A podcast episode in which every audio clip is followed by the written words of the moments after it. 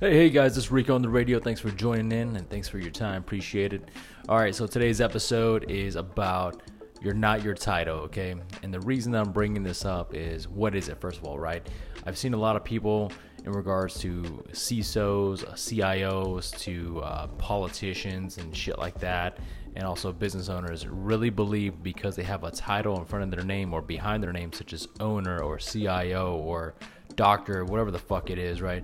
They believe that they can dictate the betterment of the time and also the value of your meeting or or the time that you need with them. And that's just all wrong, all sorts of wrong. Me, even as a business owner, as an executive myself, I seek value in people whenever they want to uh, have conversations with me or want to have meetings with me. I try my hardest to stick to those meetings and be of value to them. Uh, recently, I ran into a person who in an apartment complex because they thought they were a property manager they thought they could act as god and i found that humorous.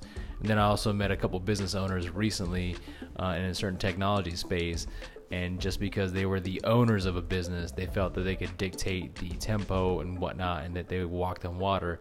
And in reality none of that shit's true. Far from it and what i have to say is stow that shit in your fucking back pocket right and the reason I bring these things up is because so many people get tied up in the ambiance of and the romanticizing of thinking that they're their title and they're the privilege and that they own certain things and they own the time.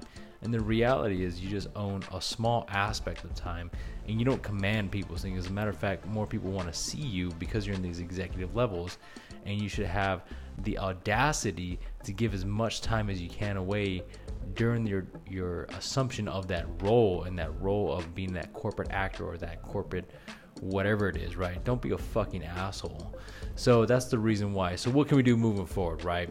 What I would say is no matter who it is, if they want your time, quantify and qualify how much time you can give them, right? Give them as much as you can. If you can't give them anything, just tell them you can do it later, okay? Because at a later time, you always be able to give them time, okay? And then, uh, uh, second of all, is don't be a fucking asshole, all right?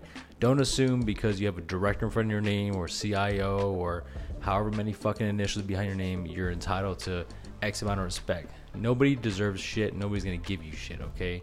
So the thing is, you have to give respect and you have to earn the respect. So the, the way in doing that is actually giving it to yourself and also to other people.